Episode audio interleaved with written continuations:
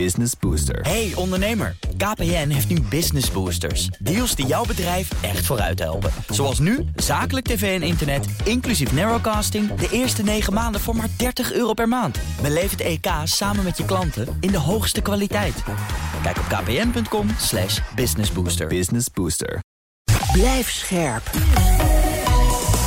BNR Nieuwsradio. BNR breekt. Ivan Verrips. Goedemorgen en welkom. Vanaf half twaalf praat ik over het nieuws van de dag. Over het nieuwe kabinet dat er volgens Haagse bronnen van het AD... voor de kersttocht niet gaat komen. En over al onze slimme huishoudelijke apparaten. Die worden ook steeds slimmer, hebben steeds meer techniek, vernuftigheid. Je kan ermee praten, je hebt allemaal leuke apps. Maar is dat nou slim of juist gevaarlijk? Gaan we allemaal bespreken vanaf half twaalf. In mijn panel vandaag André van Hout, voorzitter van de Jonge Socialisten... en Robert Verhul, vicevoorzitter van de JOVD. Goedemorgen allebei. Goedemorgen. Goedemorgen. We gaan beginnen met... BNR breekt. Breekijzer. En dat breekijzer heeft te maken met ontwikkelingen in Duitsland. De kerstverse aankomend Duitse bondskanselier Scholz... heeft zich uitgesproken voor een vaccinatieplicht in Duitsland... en hij wil dat het parlement daar deze maand nog over stemt. Als dat er komt, is dat voor Duitsland en ook voor Europa natuurlijk een enorme stap. De vraag die dan vanzelfsprekend rijst is of Nederland... toch wel een beetje ja, het kleine broertje van uh, Duitsland...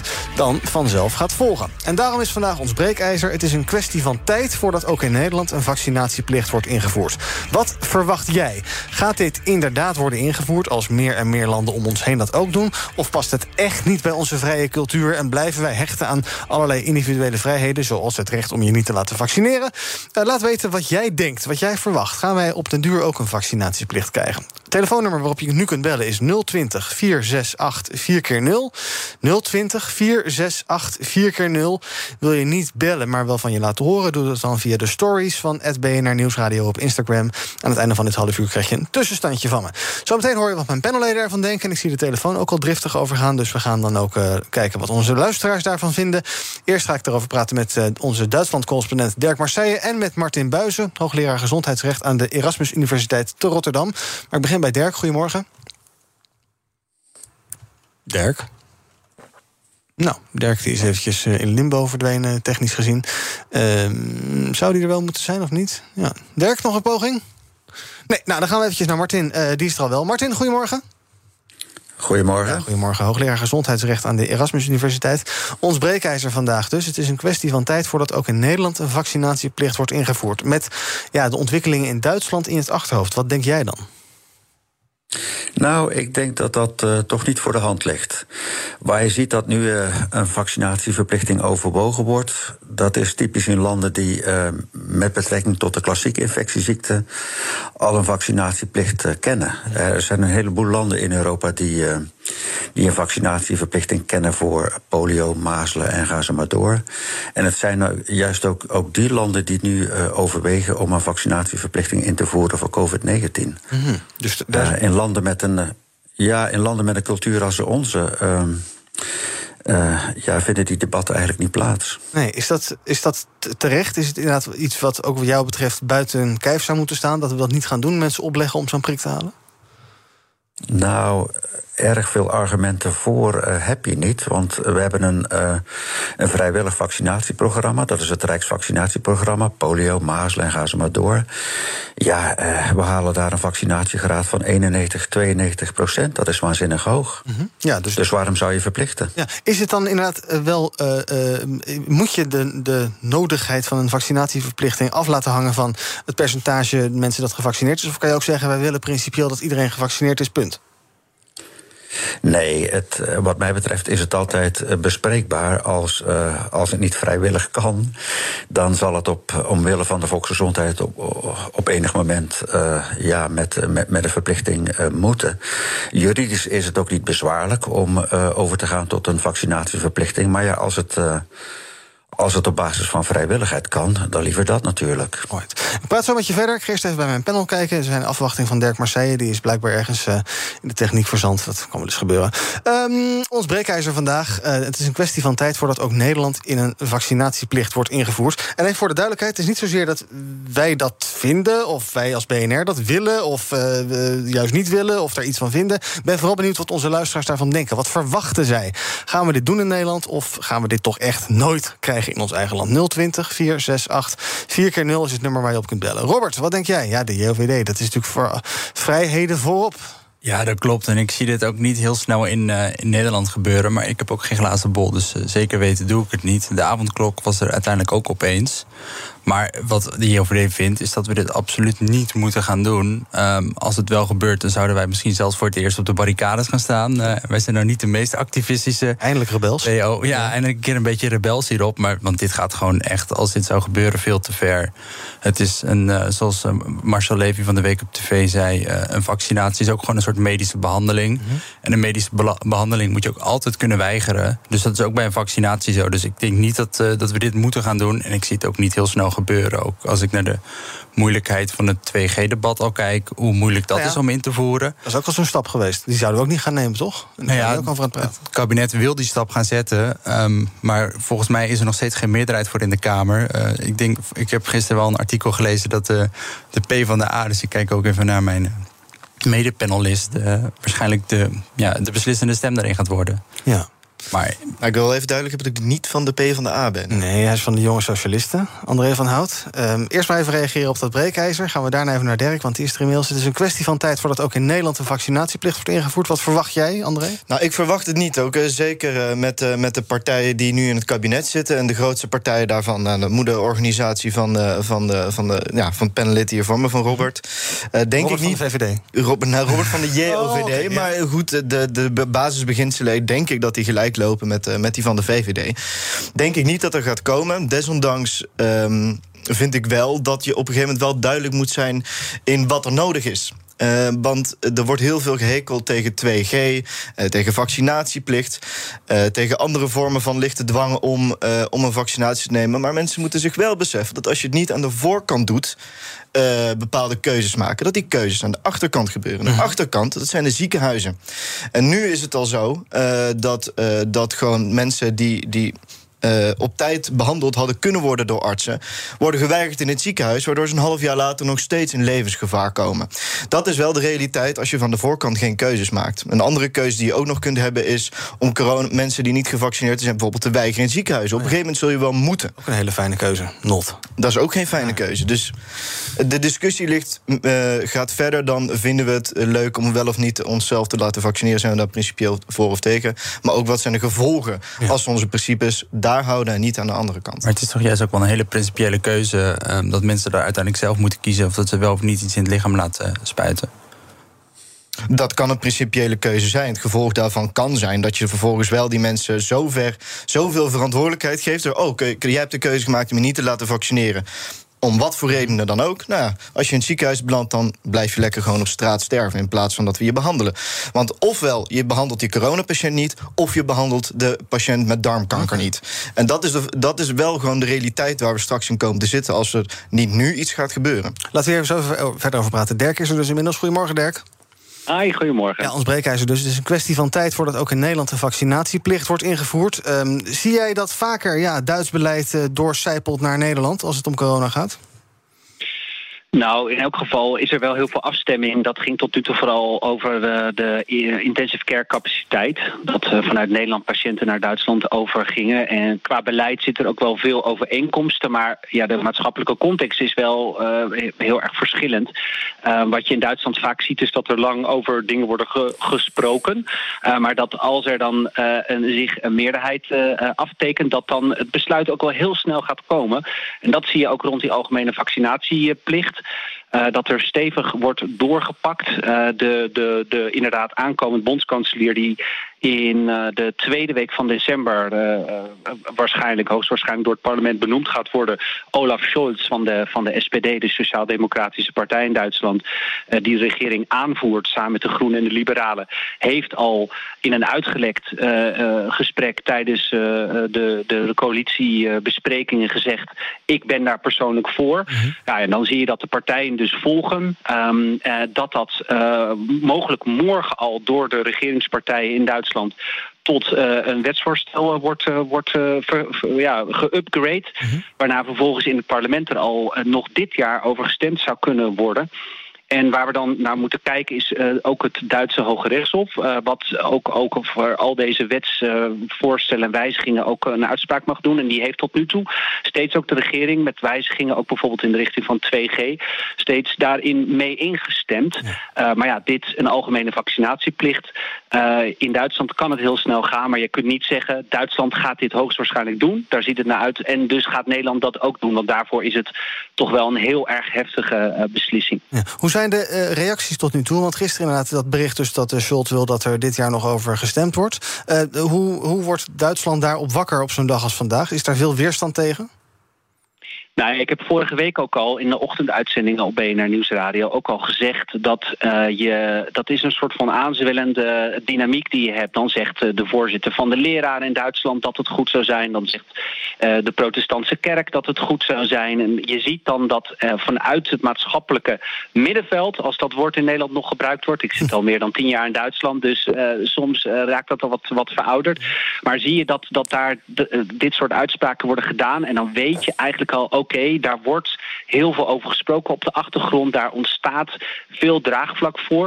En uiteindelijk, als het dan in de politiek terechtkomt, ja, dan, uh, dan, dan kan het heel snel gaan. Dus het zat er al aan te komen. Het is eigenlijk geen verrassing dat het nu uh, de, kant op gaat in Duitsland. Ja, maar moet eerst dus nog door het parlement. Dank Dirk Marseille uh, voor die situatie schets bij onze oosterburen. Voordat ik naar de bellers ga, nog even kort naar Martin. Ehm, een van de panelleden stelde net de vraag: kan het eigenlijk wel? Ja, we hebben iets als de grondwet, hè, artikel 11. Ieder heeft behoudens bij of krachtens de wet te stellen beperkingen recht op onaantastbaarheid van zijn lichaam. Kan het überhaupt in ons land een uh, vaccinatieplicht?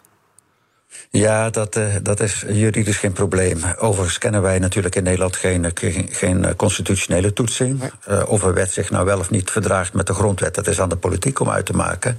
Maar Nederlandse rechters die. Um, kijken naar de grondrechten zoals ze beschermd worden door het uh, Europese Mensenrechtenverdrag. En dat wordt uitgelegd door het uh, Hof, het Mensenrechtenhof in Straatsburg. En uh, die heeft bepaald, onlangs nog in april, dat een, een vaccinatieverplichting. Uh, dus een, een, inperking van het recht op, uh, op privacy, mm -hmm. uh, dat die te rechtvaardigen is. We gaan bellers aan het woord laten kijken ja, dus hoe dat... denken over ons breekijzer vandaag in BNR Breekt. Dat is, het is een kwestie van tijd voordat ook in Nederland een vaccinatieplicht wordt ingevoerd. Wat verwacht jij? Pak je telefoon en praat mee. Bel 020 468 4 keer 0 Bram, goedemorgen. Goedemorgen. Zeg het maar. Nou, ik ben, ik ben het mij oneens dat het uh, ingevoerd zou gaan worden in Nederland. Als je kijkt naar de laatste onrust in uh, Rotterdam, hoe triest het ook is. Maar ik denk dat je dan echt een kleine groep nog aan het tegen gaat schoppen. En persoonlijk denk ik ook van waar stopt het? Want als je daar een derde boosterprik pakt en dan komt de vaccinatieplicht, wordt deze dan ook uitgerold over de gehele linie van het jaar. Of de komende jaren. Ja. Dan, daar, daar ben ik er sceptisch over. Ja, dus jij denkt niet dat het er gaat komen, duidelijk. Fred, goedemorgen. Goedemorgen, u spreekt met Fred. Het zal niet lang meer duren of ook de vaccinatieplicht komt in Nederland. U moet het zo zien, elke staatsburger is mede verantwoordelijk voor het welzijn en welbevinden van zijn medeburger. En in die zin is er eigenlijk sprake van een vorm van poging tot zware mishandeling als je je niet laat vaccineren. Er kunnen uitzonderingen gemaakt worden door een medisch-ethische commissie, maar die moet dat dan maar bepalen. En u zegt dus het... Poging tot zware mishandeling. En u zegt, ja, dat, uh, de aanklacht voor het tribunaal is ook gelijk duidelijk. en u zegt, het, uh, het, uh, het belang van een individu gaat dus niet boven het belang van het collectief in dit geval. Het collectief wint het. Duidelijk, dank voor het bellen. Martin, goedemorgen. Ja, goedemorgen, met Martin inderdaad. Ja, um, ja ik, weet je, ik, ik schrik er eigenlijk wel van. Dat, uh, ja, dat, dat zo'n BAM, dat zo'n vaccinatieplicht, dat het zomaar als stelling wordt opgeroepen. Ik schrik daar veel. Waarom? Nou, omdat ik enorm geloof in de individuele vrijheid van de mens. Mm -hmm. En ik heb zelf uh, in mijn familie, mijn ouders en mijn zussen zijn allemaal gevaccineerd.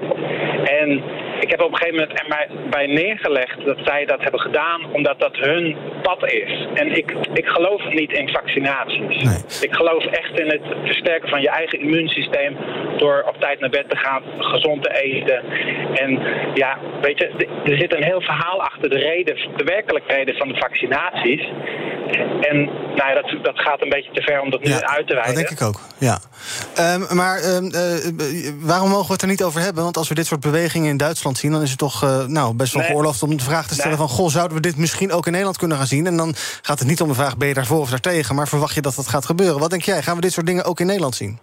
Nou, ik denk uiteindelijk dat het niet gaat gebeuren omdat er genoeg mensen gaan opstaan. Omdat dit eigenlijk een vorm van dictatuur zou betekenen. En ja, het is wel een enorm spannende tijd waarin we leven. En er worden vergelijkingen gemaakt met de jaren 30 in Duitsland. En ik denk dat dat, dat, dat klopt. Dat, dat mensen eh, ja, in zodanige hypnose leven dat ze niet doorhebben, hè, althans heel veel mensen, wat er werkelijk speelt, wat de werkelijke agenda is. Ik geloof dat ik Robert Verhul van de JOVD even hoor te proesten. Ja, dit, is, eh, dit gaat echt te ver. Eh, dit, het is niet met elkaar te vergelijken. De, de Joden werden inderdaad zwaar onderdrukt en die mochten bepaalde dingen niet doen. Omdat, gewoon, omdat ze wie ze waren. En opgepakt en afgevoerd. Opgepakt, afgevoerd naar Auschwitz en eh, andere kampen. Omdat ze, het ging over wie ze waren, namelijk gewoon van Joodse afkomst. En deze mensen die kunnen er altijd nog voor kiezen om morgen die prik te halen. En dan zijn ze van alle ja, moeilijkheden in het leven af. En die zijn ook echt niet te vergelijken met de jaren 30 en met de jaren 40. Ehm Stef, goedemorgen. Ja, goedemorgen met Stef. Jij hebt geloof ik een vraag aan Martin, hè? Ik heb een vraag aan iemand. Ik hoop dat iemand er verstand van heeft. Het gaat om het volgende. Stel dat ze ons gaan verplichten om te vaccineren. Wie is er dan verantwoordelijk voor de eventuele nevenschade, bijwerkingen? Of ik eh, daarna nog jarenlang medicatie nodig heb? Want ja, je ziet genoeg dingen dat het niet goed gaat met die prik. Ja, nou, ik, ik ken die verhalen niet heel erg als dat die, er, dat die er zijn. Er zijn wel mensen die worden, niet helemaal, die worden een beetje naar van die prik een paar dagen. Maar ik geloof dat niet echt dat er verhalen bekend zijn van heel veel. Nou, er, zijn, er zijn wel bijwerkingen, lees de bijsluiter maar. Maar eh, het is een goede vraag, Martin. Stel dat we dit zouden gaan verplichten, waarvan jij dus verwacht dat het niet gaat gebeuren. Waarvan mijn panelleden ook verwachten dat het niet gaat gebeuren. Ja, dan is daar ook wel iets, een verantwoordelijkheid als het gaat om de eh, na-effecten daarvan, denk ik. Nee, dat klopt. En dat is een, eh, dat is een overheidsverantwoordelijkheid. En ook de, de farmaceutische bedrijven die, eh, die mee hebben gewerkt aan de ontwikkeling van de verschillende vaccins, hebben daar op eh, Europees niveau op aangedrongen. dat, dat, dat het niet op hun bordje terechtkomt. BNR breekt. Ivan Verrips. Met in mijn panel vandaag Robert Verhul, vicevoorzitter van de JOVD... en André van Hout, voorzitter van de Jonge Socialisten. En zojuist hoorde je ook Martin Buizen. Hij is hoogleraar gezondheidsrecht aan de Erasmus Universiteit. Ehm, eens kijken wie er nog meer aan de telefoon hangen. Eh, Richard, goedemorgen. Ja, goedemorgen. Zeg het maar. Eh, ja, ik ben het wel eens met de stelling. Absoluut verplicht stellen. Ik bedoel... eh, Gaat het ook gebeuren, denk je? Dat is de vraag. Eh, dat is de vraag. Ik denk dat Nederland er weer heel netjes doorheen surft en het absoluut niet doet. Het, het zou het wel moeten doen. We zijn in oorlog met een virus waar we eindelijk een, een, een oplossing voor hebben. Waar nu al ehm, bijna twee jaar lang duidelijk is dat het dus, of eigenlijk zeker wel een jaar duidelijk is dat het gewoon veilig is. Met alle praatprogramma's waarbij je alles kan optellen en aftrekken. Dat je het eigenlijk absoluut moet doen. En ik vind het een burgerplicht om, eh, om de hele economie, de hele wereld er weer uit te trekken. en de dit- mensen die er doorheen willen surfen om zich eh, straks wel aan te sluiten. Ja, vind ik heel erg kwalijk. En vind je het maar ook een- stoplicht. Sorry. En niet ook een recht om het niet te doen als je het niet wil? Eh, Nee, je zou het absoluut moeten verplichten, omdat wij in, in, in, met een heel groot probleem in de wereld zitten. Het, is, het is allemaal geen rakettechnologie als je eh, niet stopt voor rood. Ehm, eh, dat, terwijl dat wel verplicht is, kan jou een heel groot ongeluk gebeuren. Dat hebben we ook verplicht gesteld. Je moet gewoon niet door rood rijden. Dus ik ben absoluut voor verplichting. Je kan natuurlijk ook ongelukken krijgen als je jezelf keurig aan de regels houdt. Dat is natuurlijk ook zo. Daniel, goedemorgen. Goedemorgen met eh, Daniel. Zeg maar. Ik denk dat eh, eh, de vaccinatieplicht eh, wel gaat komen. Maar ik denk ook dat we er eigenlijk de oplossing al voor hebben. Want uw eh, gast zei ook van eh, eh, je moet het eh, anders op een andere plek ehm, oplossen. Bijvoorbeeld aan de achterkant. Uiteindelijk los je het toch op een of andere manier op. Maar ik denk eh, dat we het in de voorkant kunnen oplossen door gewoon onze huisartsen weer het recht te geven om onze eh, COVID-patiënten te genezen. Zoals nu ook in Japan gebeurt, waar nu inmiddels eh, nauwelijks meer COVID-patiënten zijn. Te genezen, wat bedoel, bedoel je dat? Nou ja, onze huisartsen hebben volgens de RIVM en de NAG-richtlijnen niet het recht om onze patiënten te genezen. Terwijl ze wel de middelen ervoor hebben. Dus als onze huisartsen die rechten weer worden teruggegeven, zoals nu in Japan ook wordt gebeurd, gebeurd dan, eh, ja, dan heeft de ziekenhuis de druk niet meer. Hm, nou, ik ga me eens eh, verdiepen in die situatie in Japan. Er wordt in ieder geval wel gewerkt aan aan medicijnen. Zijn ook eh, goedgekeurd in de VS nu. Van Merck onder andere een pil. Dat is allemaal veelbelovend. Maar ik geloof dat de deskundigen toch wel vinden dat een vaccinatie nog wel beter is. Eh, André, wat is jouw analyse Waarom gaat zo'n verplichting in andere landen makkelijker, denk jij? In Italië en Frankrijk daar wordt de zorgpersoneel al zonder pardon verplicht. In België daar schreeuwt de zorgsector zelf om een verplichting. Uh, in Griekenland uh, zijn 60-plussers geloof ik verplicht om gevaccineerd te worden. Anders krijgen ze elke maand een boete. Hier schrikken we toch altijd heel erg van het woord verplichting. Is dat, ja, is dat iets wat in onze volksaard zit, dat we daar echt wars van zijn? Ik weet niet of het in de volksaard zit, maar uh, het, het, het, het gedachtegoed dat vrijheid alles is en hoe meer vrijheid en hoe, hoe meer liberalisme je uh, ergens in toepast, ook hoe meer welvaart er komt. Uh, dat idee is heel erg vastgehangen in de Nederlandse samenleving. In ieder geval de afgelopen 30 jaar. Nou, ik ben zelf maar 24, dus ik heb geen idee hoe het daarvoor was. De laatste zes, dat is, uh, ja. ja, precies. De laatste zes voor mij een beetje onduidelijk. Uh, en het begin van die 97 natuurlijk ook. Maar um, dus ik weet niet of het in de volksarts zit, maar ik, het is wel logischer dat het hier niet zo is, omdat in andere landen veel meer het collectiviteitsgevoel heerst.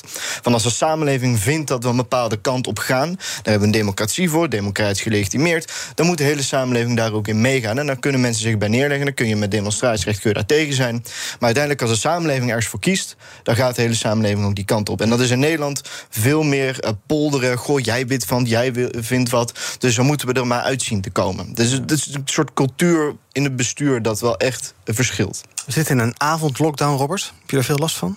Uh, op dit moment heb ik er weinig last van. Fijn. Alleen niet uit eten. Alleen niet uit eten, inderdaad. En ook niet de kroeg in. Dus dat nee. is wel heel erg uh, jammer. Ja, spaart wel weer geld. Uh, zou, zou, zou iets kunnen helpen met het, uh, het zwichten van het sentiment hiervoor? Dat mensen denken, ja, we hebben een nieuwe variant. Um, de CEO van Modern, Moderna die zegt van... nou, ik weet niet of die vaccins zo goed werken. Ja, als we hier nog jaren aan vastzitten... zou je dan kunnen voorstellen dat, dat misschien de JOVD of ook de VVD... na een tijdje toch denkt van, nou ja, een vaccinatieplicht... is het enige wat we kunnen bedenken uiteindelijk nog? Ik zie ons daar niet van meningen veranderen. Gewoon omdat wij wel geloven dat het individu eigenlijk altijd zelf die verantwoordelijkheid moet bepalen of dat ze die willen dragen. Mm -hmm. En dat ze ook als individu de vrijheid hebben om uh, ja, die, die stap te zetten.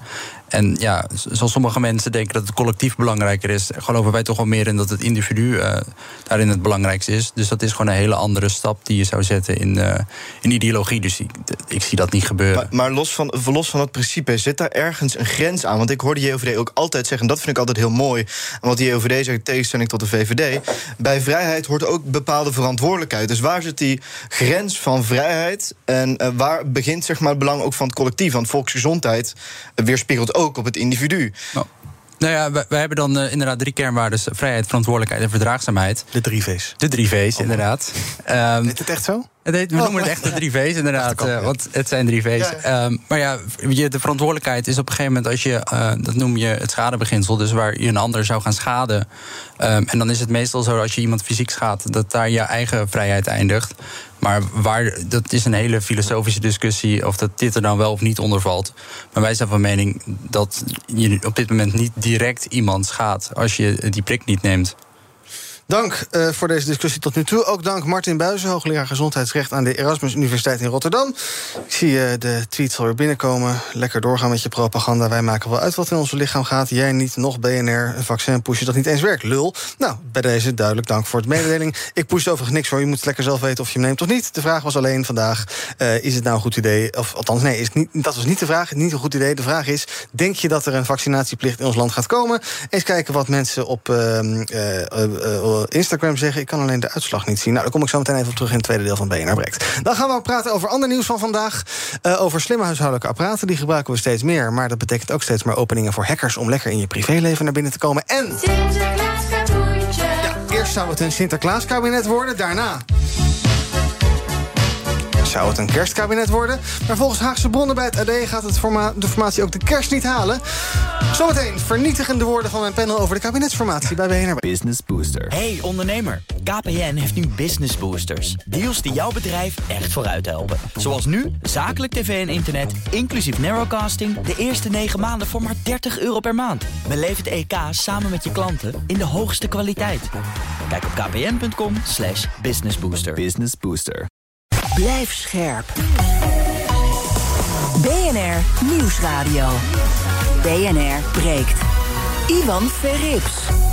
Welkom terug bij BNR Breekt. In mijn panel vandaag André van Hout, voorzitter van de Jonge Socialisten... en Robert Verhul, vicevoorzitter van de JOVD. En we gaan praten over het nieuws van de dag. En ja, we hebben twee uh, politieke jongerenorganisaties... dus dan moeten we het natuurlijk even hebben over de formatie.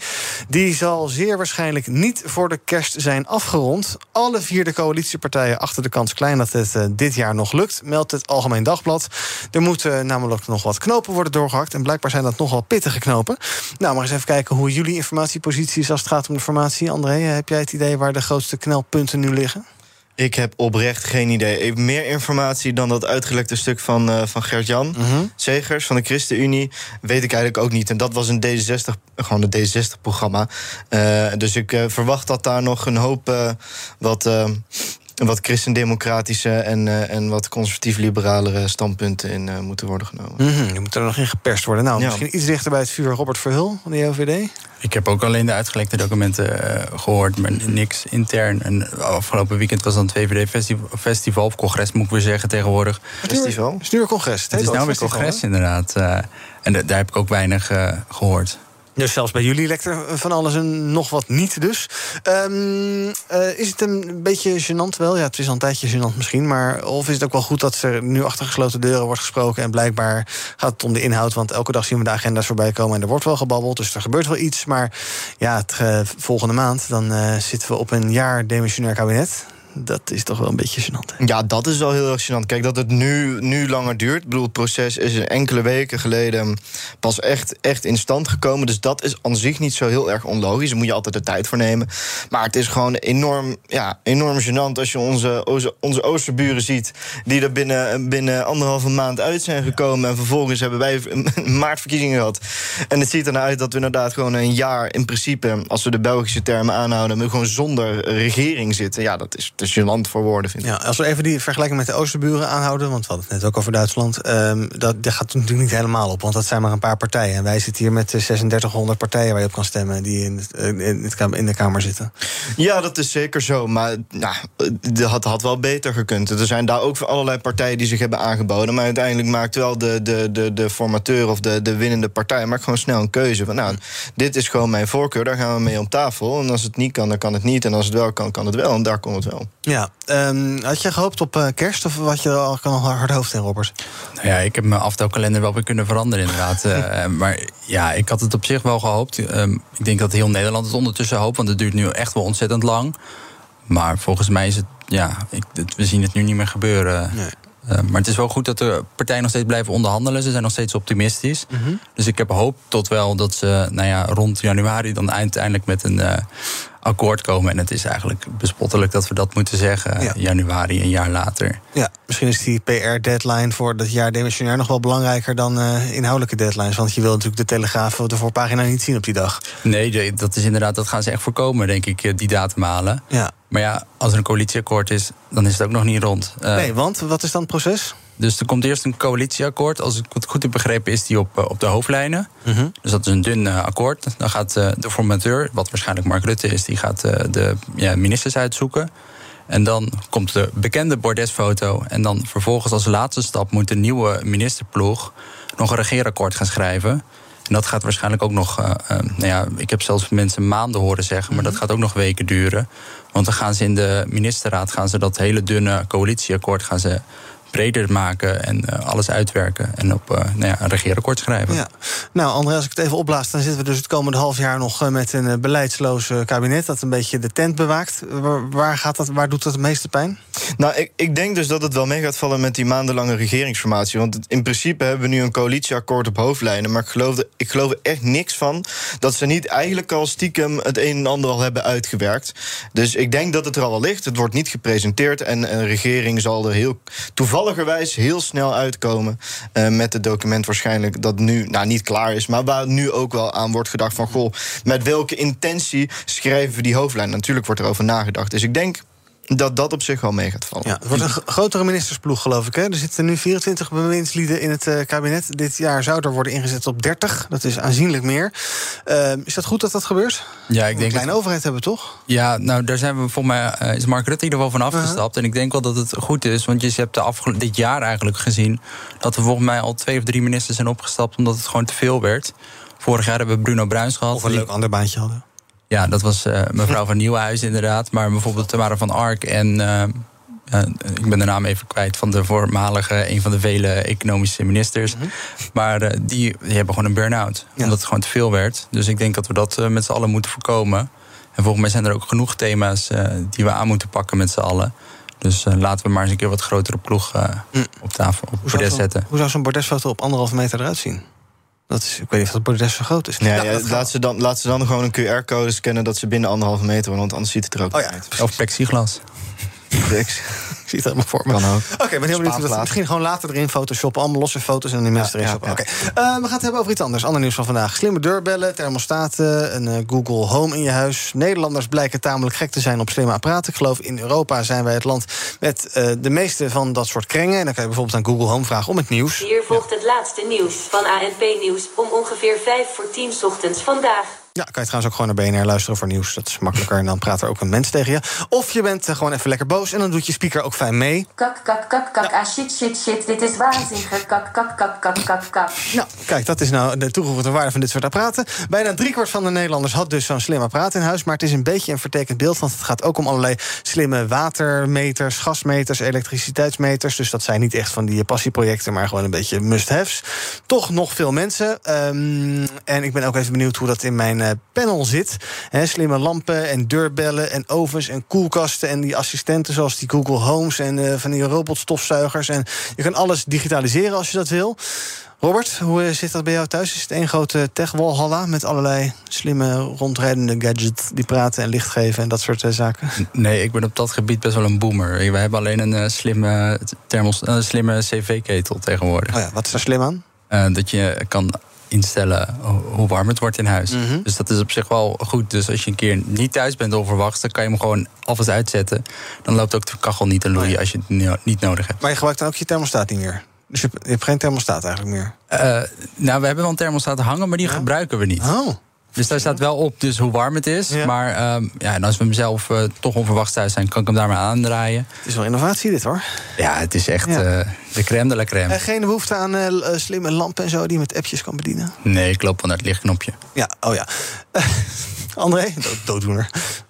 Nee, ik, heb een, eh, ik heb inderdaad een slimme meter thuis. En eh, Google Home, ik heb zo'n klein ding, maar die gebruik ik nooit meer. Ik weet nog dat, ik denk dat dat in 2018 was, zo'n drie, jaar, drie, vier jaar geleden, dat Google Home nog alleen in Amerika beschikbaar was. En dat eh, de ouders van een vriendin van mij, die, die waren in Amerika geweest, en die hadden zo'n Google Home mee naar huis genomen. Nou, ik denk ik al 48 uur gewoon aan één stuk tegen dat ding lopen praten. met, eh, met heel dat gezin, omdat het zo fantastisch was. Maar ja, voor mij heeft het niet zo heel veel toegevoegde waarde. Al ken ik ook wel mensen die, eh, van mij, die, die inderdaad gewoon met zo'n zo'n knopje op de, de wifi hebben aangesloten en dan alle lampen kunnen, kunnen bedienen, zeg maar. En dan ook verschillende kleurtjes en zo. Dat is Ja. wel leuk. Ja, maar die, je, niet zo Nee, leuk dat je zegt ik ga eraan beginnen. Nee, nee, ja, ik weet niet. Ik heb een lamp en die werkt en dat vind ik fijn. Ja. Er zit ook een andere keerzijde aan eh, dit soort apparaten. Namelijk dat de beveiliging niet altijd eh, helemaal in orde is. En ook privacy. Waar gaat je data heen? Eh, hackers die zich via deze weg nou ja, jouw huis bijna letterlijk in kunnen kijken. Als het om camera's gaat bijvoorbeeld. Of je lampen kunnen bedienen. Of jouw eh, cv-ketel op 85 graden kunnen zetten. Waardoor je opeens een sauna verhul hebt. Ook best leuk. Eh, is dat iets waar je heel erg bewust van bent? Dat je om die reden ook dat niet doet? Of is het meer dat je denkt van nou, ik heb er niks aan. Laat het lekker zitten. Nou, het is bij mij persoonlijk voornamelijk dat laatste. Maar ik vind het wel een hele goede om over na te denken. Ik bedoel, het is niet onlogisch dat het allemaal steeds meer via het internet wordt. Het is, digitale, het is gewoon een nieuwe digitale infrastructuur. Waar we, net als dat je op een gegeven moment eh, rioleringen in huis kreeg die aan de straat gekoppeld waren, dat je nu je huis ook koppelt aan de, aan de digitale infrastructuur. En het is heel goed eh, dat in ieder geval de politiek en bedrijfsleven gaat nadenken van goh, hoe beveilig je nou zoiets en wat is daarin wenselijk? Ben je blij met die slimme meter of niet? Want je kan dus el- elke dag zien hoeveel enorm veel geld je gaat uitgeven aan eh, elektriciteit en gas. Leuk. Ja, hou op met me. Zeker. Ik had een eh, flexibel contract afgesloten in juni. Daar had ik toch wel een partijtje spijt van eh, de afgelopen maanden. Dus ik, had kunnen, ik heb inderdaad gezien eh, wat, eh, wat de eindafrekening wordt in, juni, in januari. En daar word, eh, daar word ik niet vrolijk van. Lekker warme trui aantrekken. BNR breekt. Aan mijn linkerzijde staat nu Thomas van Zel van BNR Zaken doen. En Thomas, jij krijgt vandaag de groeten van... Hak. Zeker weten. Timo Hogeboom is hier, de algemeen directeur van HAK. Over eh, onder andere ehm, voedsel dat duurder wordt. Hè. Dat eh, wordt nu alom ook, eh, voorspeld door de Rabobank. Ja, zeker. Als je dan ook nog een dure energierekening hebt. Ik heb met de schuin ook nog gekeken naar de thermostaat hier. 23,5 graden. Dat ding werkt voor geen meters. Nee, maar goed, ik denk om hier. toch nog wel eventjes eh, de gemoederen hier tot bedaren te brengen. Hier zal je niet aan koud en onder gaan. Maar goed, dus uitgebreid meer over HAK zometeen. Dat is overgenomen door een Russisch bedrijf notabene. Dus Hollands Glorie, Nederlands Glorie, nu toch in Russische handen. Ik spreek ook met Martin van Rijn. Hij is de voorzitter van EDES, de branchevereniging van de corporaties. En die hebben toch nog een keer gedacht... Vestia van het verleden te moeten bevrijden met een leningruil. Wat dat precies betekent, dat ga je horen. En ik praat met iemand die uitgebreid onderzoek heeft gedaan... naar flexwerk. Wordt vaak gezegd dat is een opstapje naar een vaste baan... of een valkuil en je komt er nooit meer uit.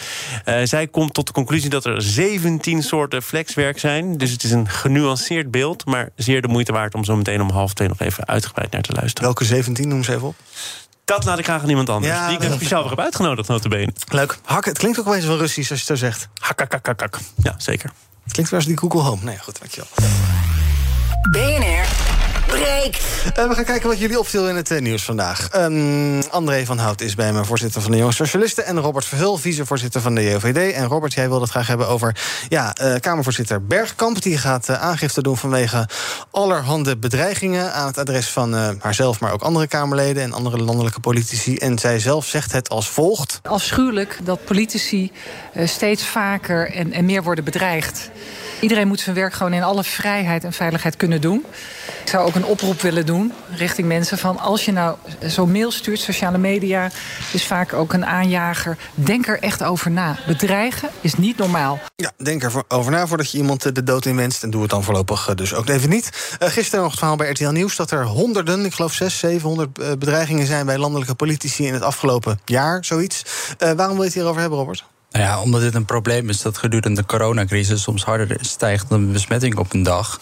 Want het is echt gewoon een probleem aan het worden als je ziet eh, ja, hoe politici bedreigd worden op dit moment. En daarom zijn we ook blij dat eh, Bergkamp deze stap nu heeft gezet. Al is het wel een krachtig signaal, maar ik denk niet dat het heel veel meer is dan een symbool. Want het- ja, je kiest dan toch altijd maar wat bedreigingen uit. Dus ik denk. tegen allemaal aangifte? Wat zeg je? Doet toch tegen allemaal, al die bedreigingen doe je toch aangifte? Nou ja, tegen iedere tweet eh, kan je natuurlijk geen aangifte doen. Het is voornamelijk op social media echt een probleem aan het worden. Als je ziet hoe sommige mensen tegen politici uitvallen en soms ook gewoon echt bedreigen. Dat is gewoon echt, voor ons is dat echt wel een probleem aan het worden. En ik denk ook dat het belangrijk is dat we daar eindelijk stappen op gaan zetten. En dus en aangifte doen. Ehm, en inzetten op betere beveiliging van de politici. Maar ook vooral, en dat is misschien nog veel belangrijker. Ook een keer gaan kijken voor regels op social media. Wat kan je er nou wel en niet op zetten? En hoe gaan we nou om met die bedreigingen die op social media worden gezet? André, wat zegt dit jou? Waarom, eh, waarom gebeurt dit? Heeft dit te maken met eh, nou, eh, ver- eh, eh, 2G-beleidachtige zaken, vaccinatie, dwang en drang die mensen voelen? En dat maakt mensen blijkbaar pislink. En eh, dermate link dat ze ja, met allerlei onzedelijke teksten komen. Ja, ik denk, ik denk dat het minder vanuit het. Ik, ik vind dat hij met die. ehm, ja, hoe ga ik dit netjes verwoorden? Met, eh, met die aangifte wordt het heel individualistisch bekeken. We hebben gedacht, oké, mensen zetten een bedreiging op Twitter, sturen een mail. En dat doen ze helemaal vanuit eigen inzicht. Dus ik moet daar aangifte van doen, zodat die persoon een lesje wordt geleerd door het Openbaar Ministerie. Gaat natuurlijk niet echt gebeuren, maar dat is wel de gedachtegang achter het symbool. Dat terwijl ik denk dat juist. ehm, de cultuur bij sommige partijen in de Tweede Kamer ertoe heeft geleid dat dit gebeurt. Eh, de manier van debatteren, de manier van je achterban ophitsen tegen bestaande politiek, tegen mensen om. eh, tegen mensen die, nou goed, ook in de samenleving zelf. Al die ophitserijen en wat mij betreft haatzaaien, dat moet worden opgelost. En ik vind dat, ik vind oprecht dat, Bar- dat, eh, eh, dat Vera Bergkamp eh, haar eigen in, eh, verantwoordelijkheid en de verantwoordelijkheid van elk individueel Tweede Kamerlid afschuift op het Openbaar Ministerie. Zij lossen maar op. Wij gaan onszelf niet verbeteren en wij gaan niet onze collega's erop wijzen dat het niet meer moet gebeuren. Maar jij zegt dus de politiek heeft het zelf gedaan. De politiek heeft dit zelf veroorzaakt. En ik vind ook dat. het niet goed dat mensen allerlei dreigmails sturen? Nee, Ook al- natuurlijk ook niet. Nee, is het- natuurlijk ook al is niet. het debat totaal Nee, gepolariseerd. maar, nee, tuurlijk. Maar tuurlijk is dat niet goed. Maar als je het probleem alleen bij het symptoom gaat oplossen, dan, dan blijft het eh, komen. Ik denk dat het echt een taak is van de Kamer om even goed met elkaar in gesprek te gaan. Welke rol heeft de Kamervoorzitter en welke rol hebben wij als individuele parlementariërs om dit soort eh, partijen die dit aanzwengelen, om die daarop aan te spreken? Maar dat doen ze toch ook al lang? Want je ziet dus Nee, als er, nou ja, niet altijd, maar vaak wordt er wel van gezegd... als uh, iemand, een Kamerlid zegt wat echt niet kan... dan staan er altijd van andere partijen Kamerleden op... en die zeggen, we, we staan hier niet achter en u moet hier ook mee stoppen. Een paar weken geleden hadden we natuurlijk het tribunale argument... Nou dat doet uh, Forum nu heel erg leuk uitmelken op uh, social media. Want dat uh, gebruiken ze nu graag in spotjes. Maar daar is toen echt ja, niet hard op gereageerd, maar wel op gereageerd. En dat was in diezelfde week ook Gundogan van.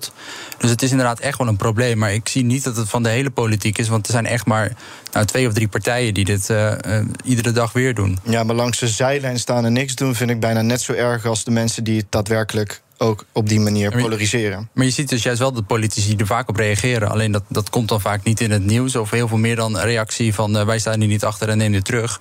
Kunnen ze ook niet doen. En een Kamervoorzitter kan nu alleen nog zeggen van uh, ik ontneem u het woord. Um, maar die stap wordt eigenlijk ook niet gezet omdat het uh, ondemocratisch wordt gezien. Hebben jullie als politieke jongerenorganisaties hiermee te maken? Met bedreigingen? Nou, nare mails. En wij als JOVD worden wel vaak uh, in allemaal rare complotten gedaan. Uh, over dat wij uh, nou ja, een pedonetwerk zijn. En, dat, dat, klopt niet. Nee, dat kan. Nee. Ja, nee, ik dacht maar. Ja, ik dacht het wel misschien een nieuwscentrum. Misschien dat we dat eindelijk kunnen bevestigen. Maar dat is echt niet het geval. Uh. Alright, um, uh, ander nieuws dan. Uh, André, iets lichtere zaak van het leven. Althans, dat zal ook veel politici raken. We gaan even een extra aflevering maken van... Het is duurder. De inflatie steeg de afgelopen maand met ruim 5,5 procent. En dat heeft natuurlijk ook effect op ja, ons eten en drinken. Wordt net bij Thomas, een rapport van de Rabobank. Eten en drinken ook het komende jaar veel duurder. En dat raakt ook het geliefde kopje koffie. Want hogere gasprijzen, duurdere zeetransport. Als het al niet wordt doorberekend aan de consument... dan gaat dat in de meeste gevallen vroeg of laat wel gebeuren. Dus dan ga je dat ook merken in je pak koffie. Hoeveel koffie drink jij zelf op een dag? Verschil. Sommige dagen drink ik helemaal geen koffie... en sommige dagen drink ik vijf, uh, vijf bakkies. Ja, en dan ja. is dat vijf keer een paar cent per dag. Is dat heel erg? Nou, het scheelt dat ik uh, de koffie voornamelijk uh, op het partijbureau van de PvdA ah. drink. Dus dan heb ik er zelf niet zo heel veel last van. Mm -hmm. Zelf drink dan 's ochtends... Dus de leden betalen voor jou de koffie? Dus de leden die gaan, die gaan meer betalen mm -hmm. voor, voor mijn koffie inderdaad. zo, zo kun je het ook alweer zien. Is dit een probleem? Nou ja, kijk, dat je koffie een paar cent duurder wordt, da daar lig ik zelf niet uh, enorm van wakker dan misschien een bakje minder in de week. Maar zeg maar, het, het, stelt wel de vraagtekens, omdat zeg maar, er is inflatie en die is heel groot. En nou goed, inflatie is van alle tijden, maar dat voedsel daar ook uh, bij wordt, uh, wordt geraakt, dat daar ook enorme inflatie is, vooral zo, uh, bijvoorbeeld ook op koffie, dat is vooral heel nieuw. Heel, heel nieuw. En dat zet wel te denken van, goh, hoe staat de voedselproductie er over tien jaar of, of over twintig jaar, hoe staat het er dan voor? En moeten we daar alvast voorbereidingen op treffen, mocht het, mocht het allemaal tegen gaan vallen? Want ja, ook door klimaatverandering zullen we de effecten ook op onze voedselproductie gaan zien wereldwijd. Dus wat moeten we dan doen? Om je daar, als, het, als het een probleem blijkt te zijn voor de langere termijn niet iets tijdelijks is, wat, wat zou je voorstellen? Nou, ik heb zelf geen concrete okay. voorstellen. Maar ik, nou, het, het maakt wel dat, uh, dat de klimaatproblematiek nog actueler wordt. Omdat, het gewoon, omdat we nu al zien dat dat effect heeft op mm. hoe duur uh, de prijs van ons voedsel is. Ja. Of hoe hoog dat is. En laat staan over, uh, over 20 jaar wat voor effecten dat heeft. Ja, Robert, hoeveel koffie drink jij? Ik uh, drink vrijwel geen koffie. Oh? Ik zit iedere dag aan de, aan de thee. Oh, wat goed. Ik denk dat het wel een flinke kostenpost wordt voor Den Haag. Al die politici en ook al die ambtenaren... die zuipen zich natuurlijk helemaal klem aan koffie de hele dag. Het is Dan moet je Job Cohen terughalen. Oh ja, daarmee, ik kan daarmee thee gaan drinken. Ja. Oh, dat zou leuk zijn. Leuk het debatprogramma tussen Rolf en Job Cohen. Dat lijkt me, ik, ik ben wel bij. Uh, het lijkt me een leuk idee. Mooi, gaan we dan een keer organiseren. Nee, gaan we niet organiseren. Geen zorgen. Uh, we gaan kijken naar de socials. Wat is er trending? Nou, het gaat natuurlijk uh, veel over corona. Hashtag QR-samenleving, hashtag QR-debat, uh, QR-debat, corona-debat. Vandaag in de Tweede Kamer tot vanavond laat. Hashtag boostervaccinatie. Nou, ga zo maar door. Hashtag ChristenUnie ook trending, want deze partij stemde voor uitbreiding van de corona-toegangsbewijzen in de Eerste Kamer. En daar zijn veel twitteraars niet blij mee. En hashtag NK Plassenstampen 2021. Het is een kampioenschap uitgeschreven door Staatsbosbeheer. Jong en oud kunnen tot en met 8 december een filmpje uploaden van stamp- en springskills in Plassen... om kans te maken op een privé-excursie met een boswachter. Nu liggen hier overal in het land best veel plassen... dus ik zou zeggen, ga maar lekker aan de slag. Hangt ook van de boswachter af of ik daar interesse in heb. Tot slot nog eventjes het volgende. Het Spaans-Portugese quarantainestel... dat een paar dagen geleden uit dat vliegtuig werd geplukt... omdat ze ontsnapt zouden zijn uit het quarantainehotel. Daarna naar uh, Haren werd vervoerd om daar gedwongen isolatie te gaan... is nu weer vrijgekomen. En ze zijn, geloof ik, onderweg terug naar Spanje. er is ook verder geen niks ten laste gelegd aan hen. Het OM heeft dat nog bekeken. Maar verzoek hiervoor was niet nodig. Um, dit is best wel een raar verhaal. Deze mensen die de mevrouw werd één keer positief getest, is daarna een paar keer negatief getest. Uh, hier gaat toch heel erg veel mis. Deze mensen worden nu als een soort ja, criminelen beschouwd.